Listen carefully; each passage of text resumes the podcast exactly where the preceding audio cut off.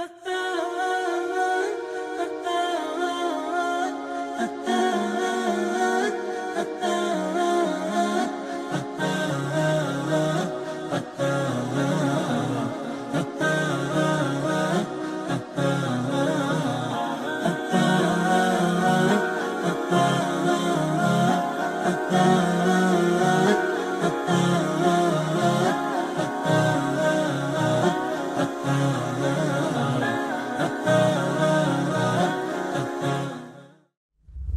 Alhamdulillah Rabbil Alamin Wassalatu wassalamu ala Rasulillah Doista svaka zahvala pripada našem gospodaru Allahu subhanahu wa ta'ala Onome koji nam je omogućio da se večeras ovdje okupimo Da se družimo, potpomažemo na putu istini Da saznamo nešto novo o našoj vjeri Salavat, mir i selam na Allahu poslanika alaih salatu wasalam njegovu porodcu, časne ashave i sve oni koji slijedi na putu istini do sudnjega dana Braći moja draga i uvaženi sestre, kao što ste čuli, mi večeras imamo predražni seminar koji se sastoji iz četiri predavanja. Nakon svakog predavanja ćemo imati pauzu od 5 do 10 minuta, čisto malo da čovjek znači se osježi. Napomena, veoma bitna napomena, spomenuo je brat zaista je dosta materijala koji je vezan za ovaj seminar i moj vam je savjet da se maksimalno potrudite da što više zapisujete, do te mjere, znači, mi nećemo neke stvari moći mnogo ni komentarisati, ali je bitno da vi te stvari zapišete i ako Bog da sutra, preko sutra ili nekada u životu, da to lagano uzmijete u jednoj, eh, ajde da kažemo, lijepoj atmosferi, da to lagano čitate. Ja kada sam pripremao materijal za ovaj seminar, imao sam jedan veliki problem šta od svega toga ostaviti, a šta izbaciti, jer jednostavno trebalo bi nam mnogo više predavanja da obradimo ovako jednu ozbiljnu temu. Prva stvar, odgovor zašto ovaj seminar. Mi smo do sada u Bosni organizirali na šest ili sedam različitih lokacija ovaj seminar i pokazalo se zaista uspješno i korisno. I eto, nažalost, ili na vašu sreću, Sarajevo je imalo sreću da bude zadnji. Zašto ovaj seminar? Prva stvar, mnoštvo bračnih problema koji nastaju kao plod ljudskog faktora. Znači, velik broj ljudi ima dosta problema u braku, a ti problemi nastaju kao ljudski faktor. Vidjet ćete, imaju problemi koji su jednostavno kaderom došli i čovjek tu ne može utjecati. Ali imate probleme koji su nastali kao ljudski faktor gdje mi možemo reagirati, gdje možemo popraviti, gdje mi možemo utjecati da ne dođe do tih problema. Mi koji se bavimo davom, daje profesor Efendije, magistri, doktori i svi ostali, veoma često smo izloženi pitanjima ljudi iz ovog segmenta brak i poročni problemi. Pa je mene to već godinama, znači, hajde da kažemo, bio sam u tom problemu pa sam na kraju odlučio da pokušamo e, dijelimično da ta pitanja riješimo ovakvim seminarom. Isto tako Ovaj brak je prvenstveno, prvenstveno namijenjen populaciji osoba koje još nisu stupile u brak. Ali pogotovo kada je u pitanju treće i četvrto predavanje, smatram da je korisno da i oženjena braća i udate sestre prisuju ovom seminaru, ali znači osoba koja još nije stupila u brak, svakako prije nego što uradi toliko veliku stvar, krini putem bračnih voda, treba da se edukuje u svakom pogledu, znači o braku, pa i o tom pogledu kako nastaju problemi, kako ih rješavati i tako dalje. Znači, brak je, braću moja draga i cijene sestre, ozbiljna stvar u životu. Ja sam dosta puta navodio te neke primjere, pa više ne znam šta je ko slušao, šta nije, ali zamislite da morate putovati iz Sarajeva do Zenici. I da u autobusu s kojim ćete vi putovati imaju samo dva slobodna mjesta. Na jednom mjestu vidite čovjek sjedi nako lijep, uglancan, ono nosi cvike što ukazuje da je inteligentan, a ja eto nemam cvika. Ono sjedi čovjek lijep, kulturan i nešto čita, imaš gore jedno mjesto na kraju autobusa, neko čupav, e, bazdi, pijan i ovako i onako. I sad kod koga ti sjeo? Pa normalno da bi sjeo kod kulturnog čovjeka koji nešto čita minimalno, on te neće ničim uznemiravati. E zamislite onda koliko je naše životno putovanje, mi ćemo, znači čovjek stupa u brak i možda 20, 30 do 40 godina će provesti u tom bračnom autobusu sa jednom osobom. Tako ako bude mu bazdila i ona njemu i on njoj, Boga mi ima da mu se začepi nos dobro tako da bolje da se te stvari na vrijeme pokušaju riješiti. Samo da vam otkrijem jednu tajnu, ove olovke kad jednom pritisnete, ne treba više pritiskati, jer one jednom pritisnete stoji upaljena, znači čujem non stop ljudi onaj, pa nemojte na tome liječiti žica, ali vas nagradim. Dobro, Isto tako, zašto se ne odlučio da govorimo na ovu temu, jeste malo literaturi koja govori o ovom pitanju. Vi sada kada bi neko došao i kaže, dobro, ja želim da stupim u brak, želim da pročitam neku knjigu, želim da se edukujem, želim da naučim o islamskom braku, gdje mogu? Šta bi mu vi preporučili? Koliko je meni poznato, još na bosanskom jeziku ne postoji literatura koja čovjeka podučava tim propisima i tim smjernicama. Isto tako, Znači, ako brak se započne na ispravnim temeljima, mnogo je lakše rješavati probleme koji dođu u braku nego ako se zasnuje na neispravnim osnovama. Pa nam je veoma bitno da mi pokušamo svoj brak staviti na ispravne osnove, a problema mora biti. Boži poslanik je bio poslanik pa imao problema djelimično u braku, ali su se problemi rješavali. Pa započeti ispravno olakšava nam proces rješavanja problema, nego vidjet ćete probleme koji mogu nastati ako ne započnemo ispravno. Imate sestru i ona je tamo negdje u Photoshopu obradila svoju sliku, iz nje nur izbija, ti kaj vidiš, rekao bih urija. Ali kad je dovedeš paša kući za tri dana sa njom osjediš. Ili brat, tam se na, na maturi usliko tu je sahat, zlatni zub, e, lančić, narupice. Ovo je moj voljeni, ovo, ovo je ona i snova dođeš sutra sa njim, počneš živit, taj se drogira, taj u dimu živi od, od nargile, tamo, vamo. Znači, nismo počeli kako treba. Pa je veoma bitno početi kako treba. Isto tako, ovaj seminar ima za cilj da pokuša kod nas da probudi svijest. Koliko je brak bitan, a isto tako koliko je bitno odnosno koliko je opasno bezrazložno odgađanje braka. Vjerovatno vi znate, imate mogućnost da to provjerite po internetu, a mi smo tu negdje blizu zapada, gore ljudi sjednu na olovku i izračunaju. Švabo sjedne i kaže, ja da bi se oženio treba mi kirija, treba mi ovo, treba mi ono, treba, treba, to me košta 3000 eura a da odem tri puta mjesečno u javnu kuću 300 eura. Ovom je vamo jeftinije, ne idem u brak i završena stvar. Tako to oni računaju. Pa neko ko gore ode bude tri dana, pokupi od njih te viruse i donese i nama u Bosnu i onda naša omladina ne želi da stupa u brak. Nimam posao, nimam stalno, nimam ovo, nemam vako, nemam nako, nisam odlučio, strah gore dole i onda ljudi odgađaju stupanje u brak što nerijetko može biti e, opasno i može nositi sasvom teške posljedice. Isto tako, e, pogotovo u jednom segmentu, ovaj, e, ajde da kažemo, seminar je posvećen dijelimično osobama koji veoma lako gledaju na brak. Naročito naša starija braća, kad im se upali imam, pa kad hoće da prakticiraju poligamiju. Znači, to je, znači, samo evo ovako, ko da gleda kroz lijeva, ko nikako da okrini lijev, Samo je bitno sunnet, sunnet, poligamija, poligamija, okej. Pa ah, zar ne vidiš, prva žena nisi joj dao prava, djeca ne na ovu, žena te proklinje, djeca te proklinju, babo te proklinje, mama te proklinje, puna te proklinje, punca te proklinje. Ja se zovem onaj što ima dvije žene. Znači, e, olako stupanje u brak bez razmišljanja o posljedicama. Ok, bravo, hoće neko da praktikuje e, poligamiju ekstra, ali da vidimo koliko si ti već uspješan u prvom braku. Pa zašto onda povećaješ Allahove dokaze protiv sebe? Pa znači, želimo kroz ovaj seminar da probudimo kod nas svijest da je brak nešto teško, da, znači, imaju privilegije, vidjet ćete ko stupi u brak ima mnogo privilegija ali je brak kao ptica sa dva krila. Imate mnogo privilegija, ali imate odgovornost.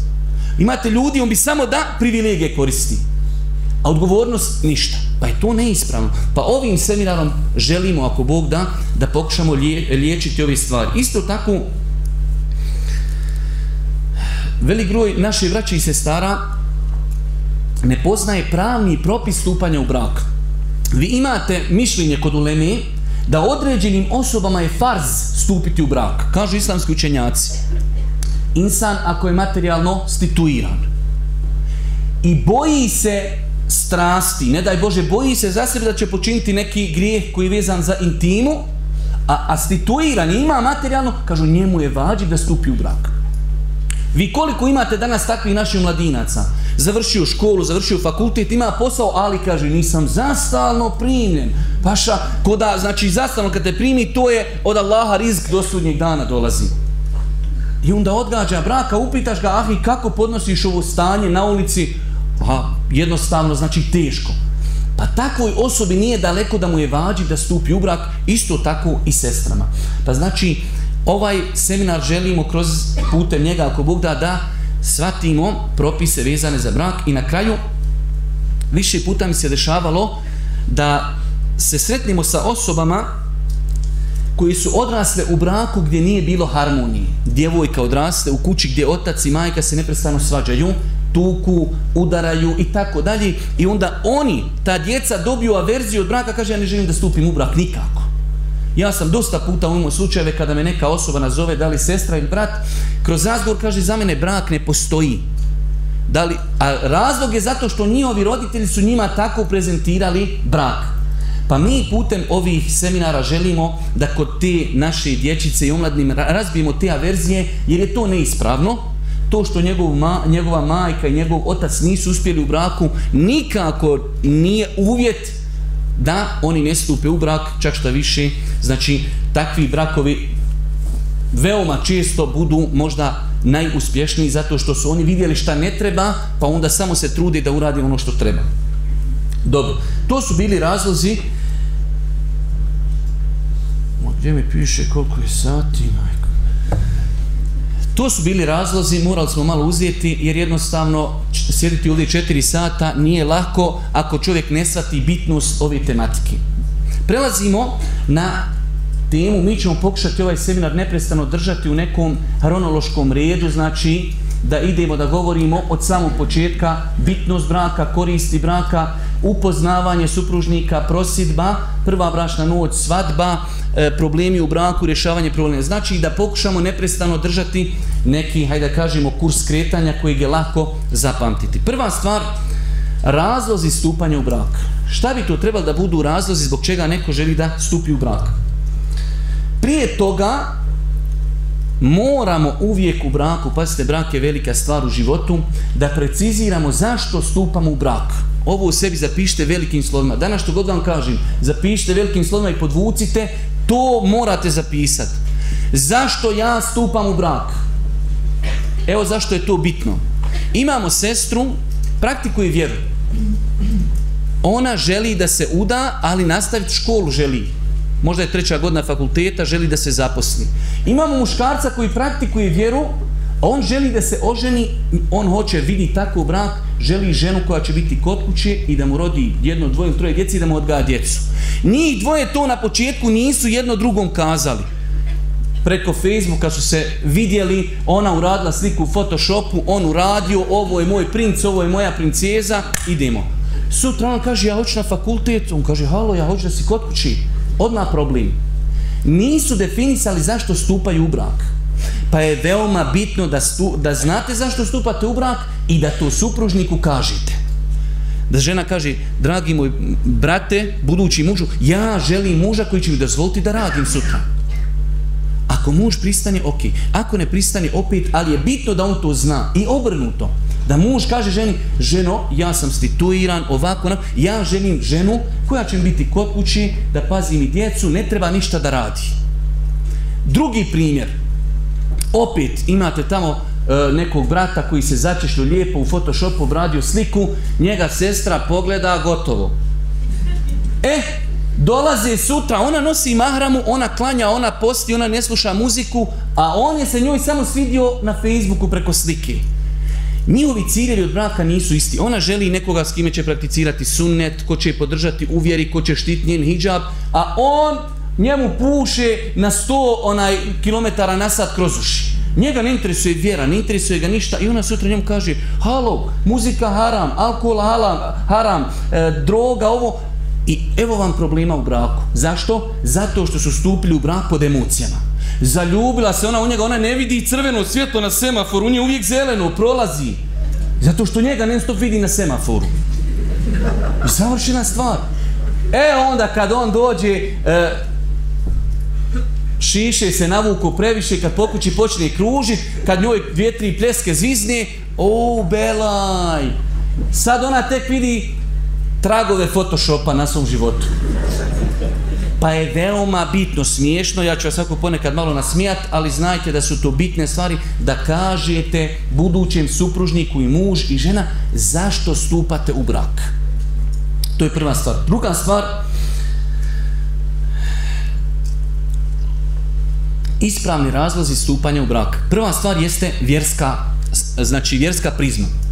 Stupam u brak zato što želim da upraktikujem sumnet Božijeg poslanika, ali salatu seram i želim da živim po svim ajetima u kojima se postiču omladinci i omladinke na brak. Druga stvar, to je znači po meni najbitniji razlog, a imate i druge razloge. Drugi razlog jeste društveni razlog jednostavno čovjek dođe u taj neki period kada ga društvo smatra neozbiljnima koji je neoženjen. hajde dobro, kaže čovjek, predstavlja se nekom, 22 godine si oženjen, nisam. Haj, 27 godina je si oženjen, pa tragam, tragam, ok. 35 godina predstavlja se on nekome tamo, ja sam direktor firme, ok, dobro, mašala, pametan, uglanj sam, fino, ali kaj još nisam oženjen. Već je to djelimično njemu minus 35 godina, mrga, halo, kada ćeš se ženiti? Šta čekaš? Isto će rok upotrebi. E, znači, društveni razlog na, na, na oženjene i udate osobe se dijelimično ozbiljnije gleda u tom nekom periodu. Pazite, uvijek mogu biti neki izuzeci. Čovjek jednostavno u 35. godini se nije oženio, ali ima određene izuzetke. Mi ne govorimo o izuzetcima, govorimo o pravilima. Isto tako, neko stupa u brak zato što iz materinskih razloga, odnosno žena hoće jednostavno, žene imaju osjećaj, muškarci imaju osjećaj, hoće da bude otac, hoće da bude majka, hoće da jednostavno vidi svoje, znači, potomstvo. Znači, možda insan iz nekih drugih razloga ne bi stupio u brak, ali jednostavno ima taj osjećaj dođe sestra negdje u društvo, svaka sestra nosi po jedno, jedno vodi, jedno za njom, jedno na leđima, jedno dofača rukama, jedno svezala za direkt da ne pobjegni je daje meni dijete. Ona će poslije, ona će ikad kucan se udala, ali sad u početku daje i meni dijete. I brat, svi u džamiju idu vodu, vode sina u džamiju, on jedini sam ide. Daje i meni da i ja budem bab, da neko je babo, da ga neko zovni. I to je ispravno. Nima smetnje da čovjek iz tog razloga mučite puno te olovke. Allahu dragi, da one znaju plaka što bi one plakale. Ja, šta im radite? Pa je to ispravan razlog da insan stupi u brak istog, e, znači želje da ima potomstvo.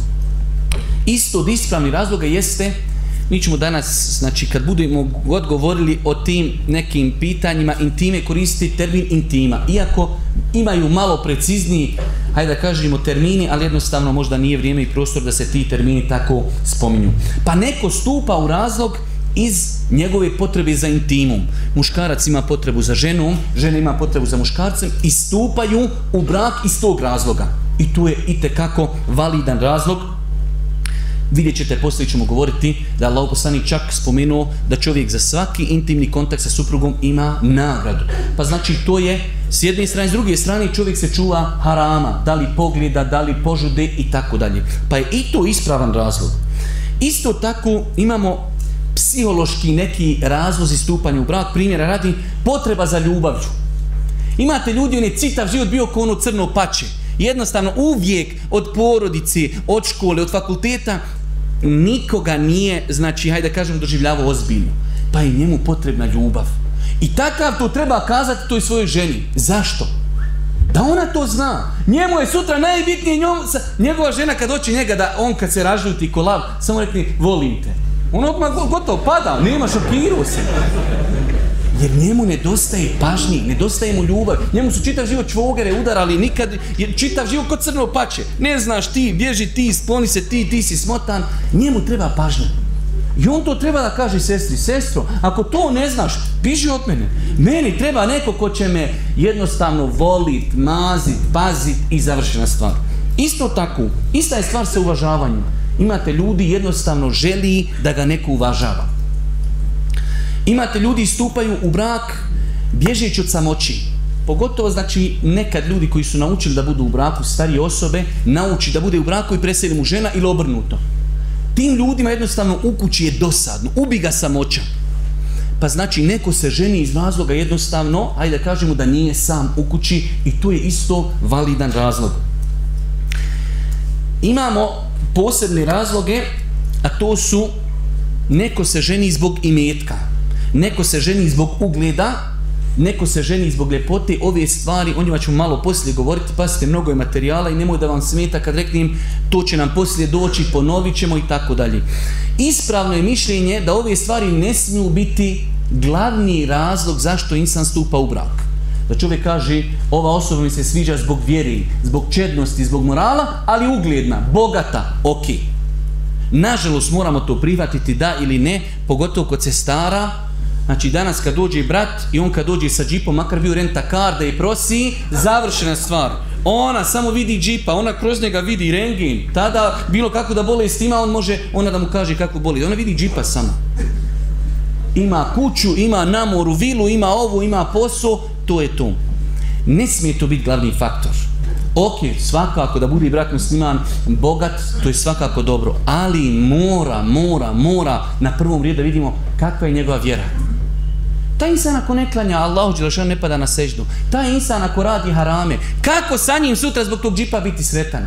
Allaha mi svevišnji. Nažalost, ja znam kako je. Šetan u datom momentu, samo joj džip, samo daj mene sa njim da sam u džipu. Nek bude kako hoće a to, Boga mi, može biti e, veliki problem u braku. Dobro, nakon toga, nakon što smo spomenuli ovi validne razloge stupanja u brak, prelazimo govoriti o koristima braka. Ovo prvo predavanje je uvodno i ono je malo, po mom nekom skromnom mišljenju, najdosadnije, ali strpite se. Koristi braka, prva stvar u tome je pokornost Allahu Đelešanu njegovom poslaniku. Allahu poslanik kaže o skupinu mladića koji ima mogućnost da se ženi, neka se ženi u naredbenoj, felijete zedveđ, u naredbenoj formi neka se oženi. U drugom hadisu, kada su na četvorca saba došli Božim poslaniku, pa kada su čuli za njegov ibadet, jedan je rekao neću nikako spavati, klanjat ću cijelu noć, tako, jedan od njih je rekao neću se ženiti. Da bi mogao ibadetiti, pazite, pozitivan, ajde da kažem pozitivno razmišljanje. Neću da se ženim, jer jednostavno sa ženitbom mi dolaze obaveze. Želim da ibadetim. Pa kada je Boži poslanik to čuo, kaže, ne, to je neispravno. Brake je min sunneti. Kaže, tu je sunnet, ko ostavi moj sunnet, meni ne pripada. Pa znači, ostavljanje braka je, a, hajde da kažemo, čovjek treba da ima debel veliki neki razlog pa da ne stupi u brak. Nakon toga koristi braka, znači prva stvar jeste pokornost Allahovom poslaniku. Broj dva jeste postizanje duhovnog smiraja. Zapamte danas i ovo napišite velikim slovima, nema boljeg načina za postizanje duhovog smiraja od braka. Ali brak koji je zasnovan na sunnetu Božijeg poslanika i u kojem se živi po Kur'anu, to je brak koji je najbolji način postizanja duhovnog smiraja. Vi pogledajte gore danas Evropu. U njih je život, tako mi Allaha, zatvor. Ali nemaju porodici. Allah Đelšanu kaže وَمِنْ آيَاتِهِ خَلَقَ لَكُمْ مِنْ أَنفُسِكُمْ أَزْوَاجًا لِتَسْكُنُوا إِلَيْهَا وَجَعَلَ بَيْنَكُمْ مَوَدَّةً وَرَحْمَةً إِنَّ فِي ذَلِكَ لَآيَاتٍ لِقَوْمٍ يَتَفَكَّرُونَ Od Allahovih ajeta, ja sam o tome nekada govorio, to je zaista ajet. Čovjek živi u Sarajevu, a njegova supruga živi u Krajini i oni stupe u brak, logično je da su oni jedno drugom stranci. Ali, ajde da kažemo, nakon određenog vremena, mjesec, dva, tri, vidite koliko se voli, koliko se pazi, koliko su duhovno smireni, da je to nemoguće opisati To je Allahu ajet na zemlji. Pa kaže Allah od njegovih ajeta jeste i to što vam je stvorio drugu vašu, od vaše vrsti. Li teskunu ileha, da biste se uz nju smirili. Vođe'ale binekum, on je taj koji je dao među vas ljubav i milost. Pa je brak smiraj i ljubav i milost. I to je Allahov ajet. Pa je to jedna od najvećih koristi. Danas u ovom životu problemi, ulica, iskušenja. Ti imaš kuću, ti imaš brak, imaš suprugu i supruga ima muža gdje će se oni zajedno potpomagati na putu istini. Isto tako, od koristi braka i rekli smo da čovjek jedini način danas kako može zasititi svoje intimne potrebe jeste brak. Tako da, to je sigurno velika korist. Od koristi braka jeste da je u tome opstanak ljudske vrste. Možda reći, pa kakva je to u smislu, da to treba spominjati. Evo otiđite na zapad. Tako mi Allaha veoma rijetko i teško vidjeti malo dijete. Ja sam govorio, nekad smo se smijali, Uđeš u avion, u avionu svaka državna kompanija gleda da se budu mlade žene, privlačne, ovako onako, dođeš u švedsku ili dansku kompaniju, dođe ti njene od 60 godina livati čaj, ovako ju se prosipa, ne može paša, ona se ali ne mogu naći mlade žene, nema ih, izumiru. Ali zato imaju pudlica, vodaju i pudlica, četiri pudlice ga ovako rastegnu, jednu za nogu sveže, jednu za ruku, ima pudlica i to je to. Pa znači, brak je jedini način kako ljudska vrsta može opstati. Isto tako, brak je jedini način kako čovjek može imati potomstvo. Isto tako, putem braka, o tome ćemo malo poslije spomenuti, insan može zaraditi mnogo nagrada. Spomenut ćemo te načine nagrada. Putem braka mi učestvujemo u izgradnji braka u izgradnji društva. Vi pogledajte sad, na ulici vidite mnogo nekih loših stvari. Mi ne možemo na to reagirati, ali možemo izgraditi svoju porodicu. Pa zamisli da mi svi ovdje večeras sutra postanu naše porodice moralne porodice. Naša djeca moralna. Koliko ćemo mi djelovati na naše društvo pozitivno? Pa znači da bi se uključili u reforme našeg društva u pozitivnom pravcu moramo početi od porodice. Pa je to jedna od najvećih koristi, znači da čovjek počne od te najbitnije čelije društva, a to je porodica.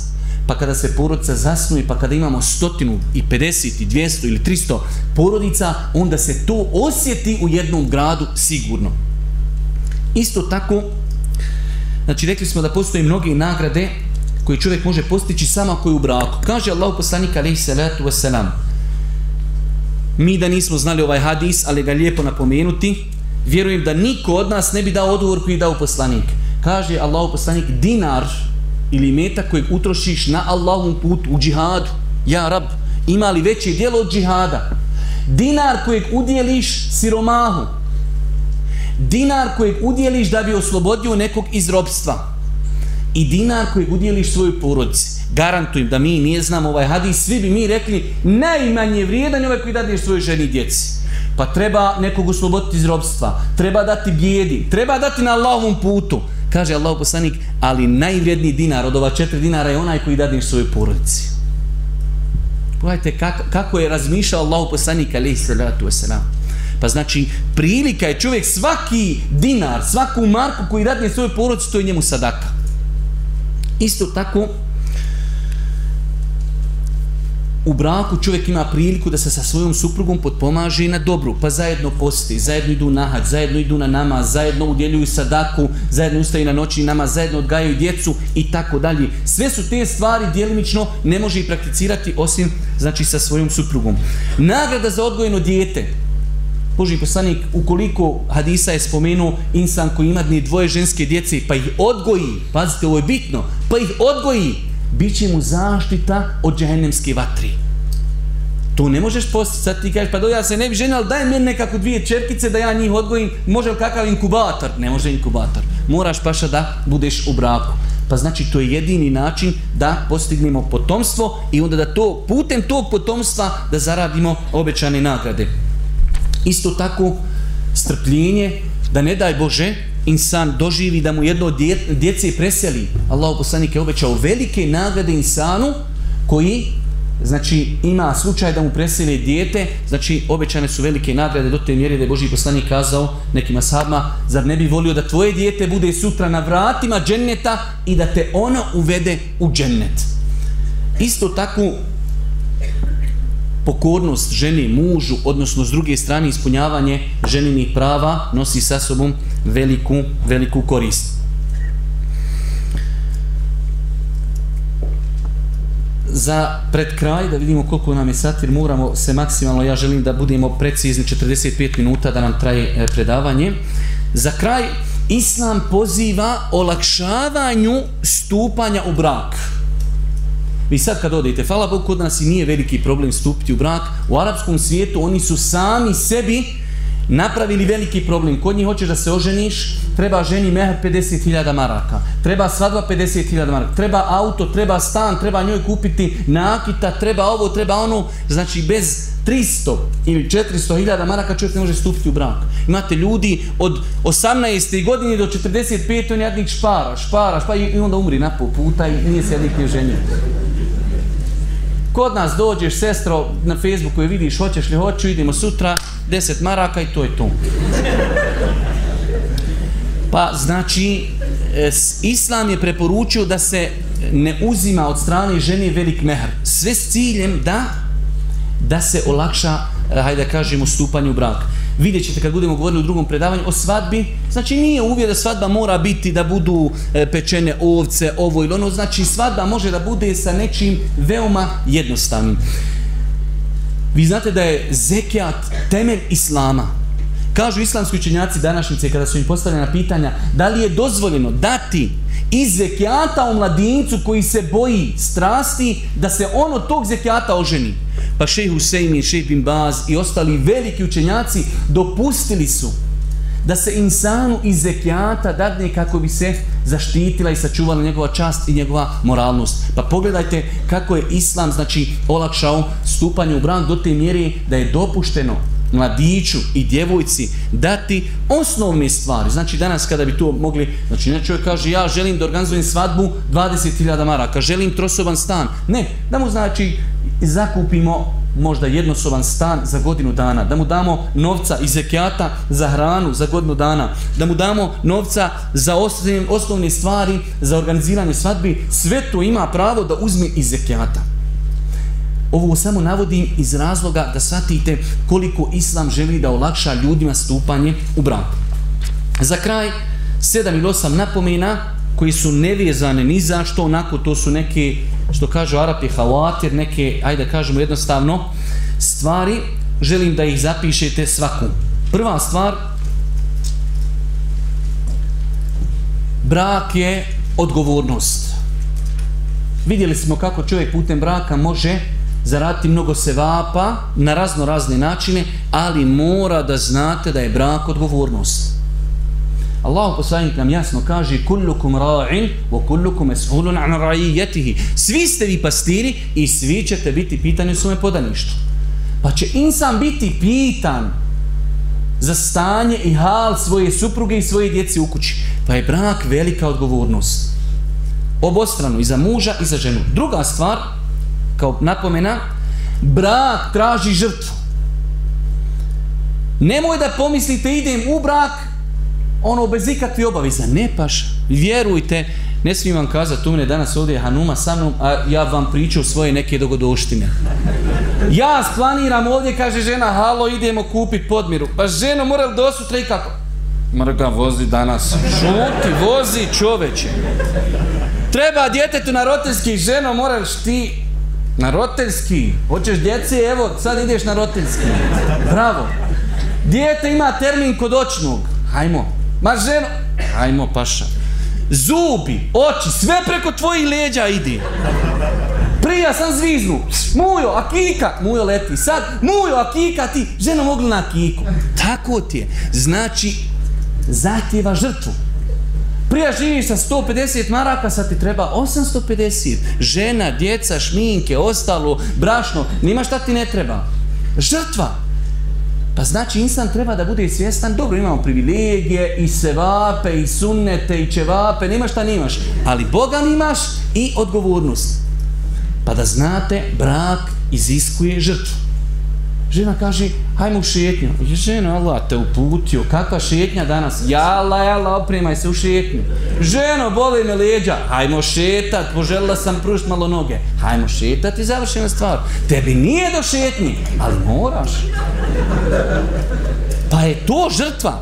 Moraš biti spreman da napraviš određene ustupke. Isto to je ovo su mali ustupci, vi ćete kako ima veliki ustupak. Poslije šeće pa bi šetio čitav život za one velike ustupke. Poslije kad budemo govorili u četvrtom predavanju, kada je u pitanju brak, rješavanje problema bračnih, moramo biti spremni na kompromis. Pa ti muško, pa ti hodaš po Sarajevu ko paun, a sutra moraš ženi reći halali, izvini, pogriješio sam. Čoveče, udaviš, ne možeš progutat nikako. Gdje ću reći izvini, halali. A ti ko pau nabildo, sad je još atraktivno braća bildaju. Nabildo se hodaš, a žena mala, mrsila žena halali. Aj, teško, ja, rab. Tako, tako. Pa znači brak hoće kompromis. Brak hoće kompromis. Broj četiri. Brak i badet. Velik broj ljudi ne zna da je brak i badet. Jer smo rekli, zašto stupamo u brak? Zbog vjere, zbog adisa, zbog ajeta. Pa kada stupate u brak imajte taj nijet. Da vam taj nijet traje ako Bog da odstupanja u brak do vaše smrti. Da je to i badet pokoravam se Allahu, pokoravam se poslaniku, odgajam djecu i tako dalje. Pa je brak jedan od najdužih ibadeta koji traje u čovjekovom životu. Pa nemojte zaboraviti na taj nijet da kada sutra tjednete da se ženite, ne za, ma idem da se oženim, dosadilo mi ovo ono, ne. Ja želim da zbog toga budem nagrađen, želim nagradu kod Allaha da sam u ibadetu. Isto tako, za one koji e, imaju poteškoća da donesu odluku kada u pitanju stupanje u brak, kaže Allah poslanik alaihi salatu wasalam, odnosno naslovi stavite, osoba koja stupa u brak radi Allaha, Allah Đelešanu će ga pomoći na tom putu. Allah direktno. I to oni koji su, e, ajde da kažemo, pokušali, vidjeli, znaju da je to tako. Kaže Allah poslanik alaihi salatu wasalam u vjerodostojnom hadisu, tri vrste osoba imaju pravo kod Allaha da ih Allah pomogni.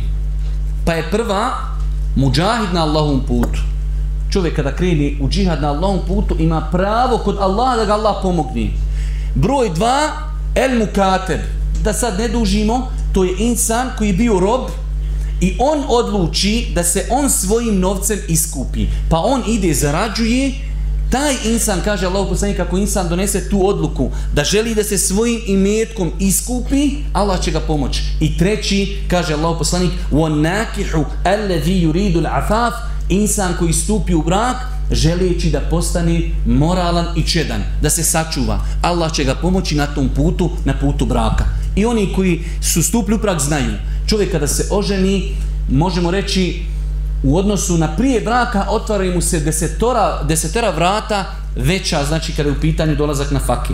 Broj šest od ovih osam napomena, veoma bitno. Allah vas nagradio. Oni svi koji nisu stupili u brak, to zapišu i podvuku sa tri crte.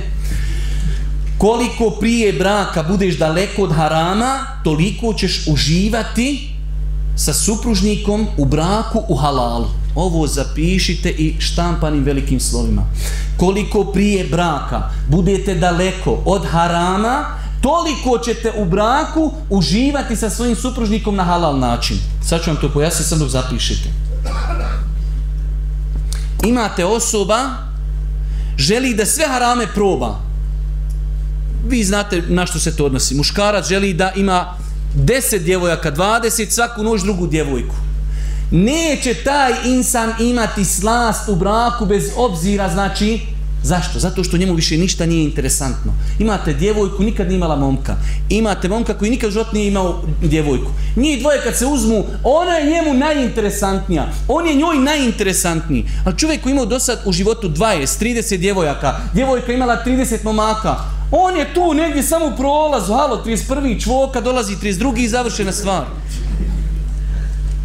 Pa ako želite da uživate u braku, čuvajte se harama vezani za ovo, za ovo Svakako čuvajte se svaki harama. Ali pazite, nemojte se zaprljati tim grijesima i onda dođeš u brak, ništa ti nije interesantno. Volio bih da mogu da vam navodim neke malo preciznije primjere, ali evo onako pokušat ću malo da nikog ne uvrijedim.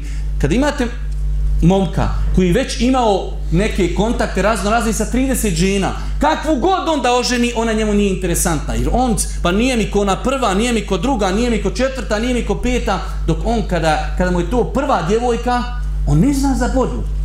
Bez oka ona kao jes fina, maša te bar rahman. Znači, čuvajte se harama. Sedam. Nije tačno da se treba bojati intimi velik broj se ljudi danas više ne boje, ovo je trebalo govoriti prije 40 godina, ali imate i danas ljudi, mene nazovu nekad braća ta koja želi da stupe u brak, on se trese ko da mora ići napadat na, na, onaj, na zemuncu neku.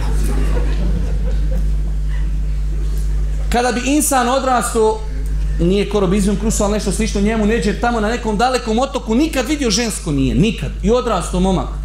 Djevojka odrasta tamo negdje nekom otoku nikad nije muškarca vidjela. Da oni stupe u brak za dva, tri dana, četiri nauče sve što treba da znaju o braku.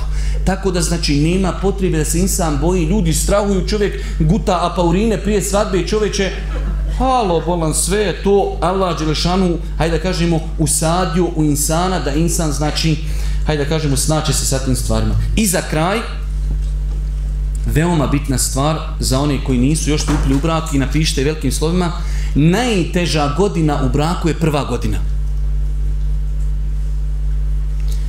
Najteža godina u braku je prva godina. Ja ovo zaboravio staviti, stavit ću drugi predavanje. Najteža godina u braku je prva godina. Šta to znači? Logično je. Gotovo sve, uzavršajmo. Znači, braću moja draga, zašto ovo govorimo? U prvoj godini nikako nemojte razmišljati, neko stupi u brak i nešto malo škripi. Mora škripat. Zamislite, muž i žena su kao dva zupčanika. Dok se ti zupčanici lagano uklopi jedan u drugi, treba vremena. On odrastu u porodici, neću da navodim primjere, jednostavno ne mogu biti dvije poroce iste. On odrasta u jednoj poroci, ona odrasla u drugoj poroci. On odrasta u jednom gradu, ona odrasla u drugom gradu. Treba sve to sada pomiriti. Opet, žena će mi razbiti poslije predavanja, ali šta ću, nek me razbi. Ja kakvi sam imao smiješni stvari u početku braka, to sad kad vidim, to kad vidim zašto sam imao probleme, to sad kad mi se desi ja sa ženom nabacim pet, lajkujem, idemo dalje. A u prvoj godini braka ja cijelu noć se privrćem, hoću li razve ženu, neću razve ženu, ja rab šta ću. Sad to se desi, vodim je na sladoled, častim je, kupim joj šta želi idemo kući. Znači u prvoj godini dok se malo insan privikne na ženu, žena na insana, prirode njihove, da ona skonta šta on voli, da ona skonta šta on voli i tako. Dok se jednostavno insan privikne na, na neku drugu osobu u njegovoj kući. Zato kažem, prva godina je najteža godina. U prvoj godini, ma ne nikako, da zaspiš ne mrti naopas da, da razvod braka. Zašto? Jer je logično da će biti u početku malo trzavica. To je logično. I zato se čuvajte osobe koje tek stupe u brak, desila se neka stvarčica, o, cijelu noć se privrće, do sutra podbuhu ko bumbar, hoću razveženu. Znači, prva godina skoro pa nikako o tom i razmišljati. Može se desiti neka vanredna situacija, uvijek kažemo izuzeci postoji, ali prva godina braka je najteža. Zato se čuvajte u prvoj godini braka, ne daj Bože da vas emocije ponesu pa da razmišljate o razvodu braka. Ja mislim da smo otprilike ispunili 45 minuta, evo 48, pravimo pauzu od 5 do 10 minuta, možete malo protegnuti noge i za 10 minuta se vraćamo našem drugom času. Esselamu alaikum.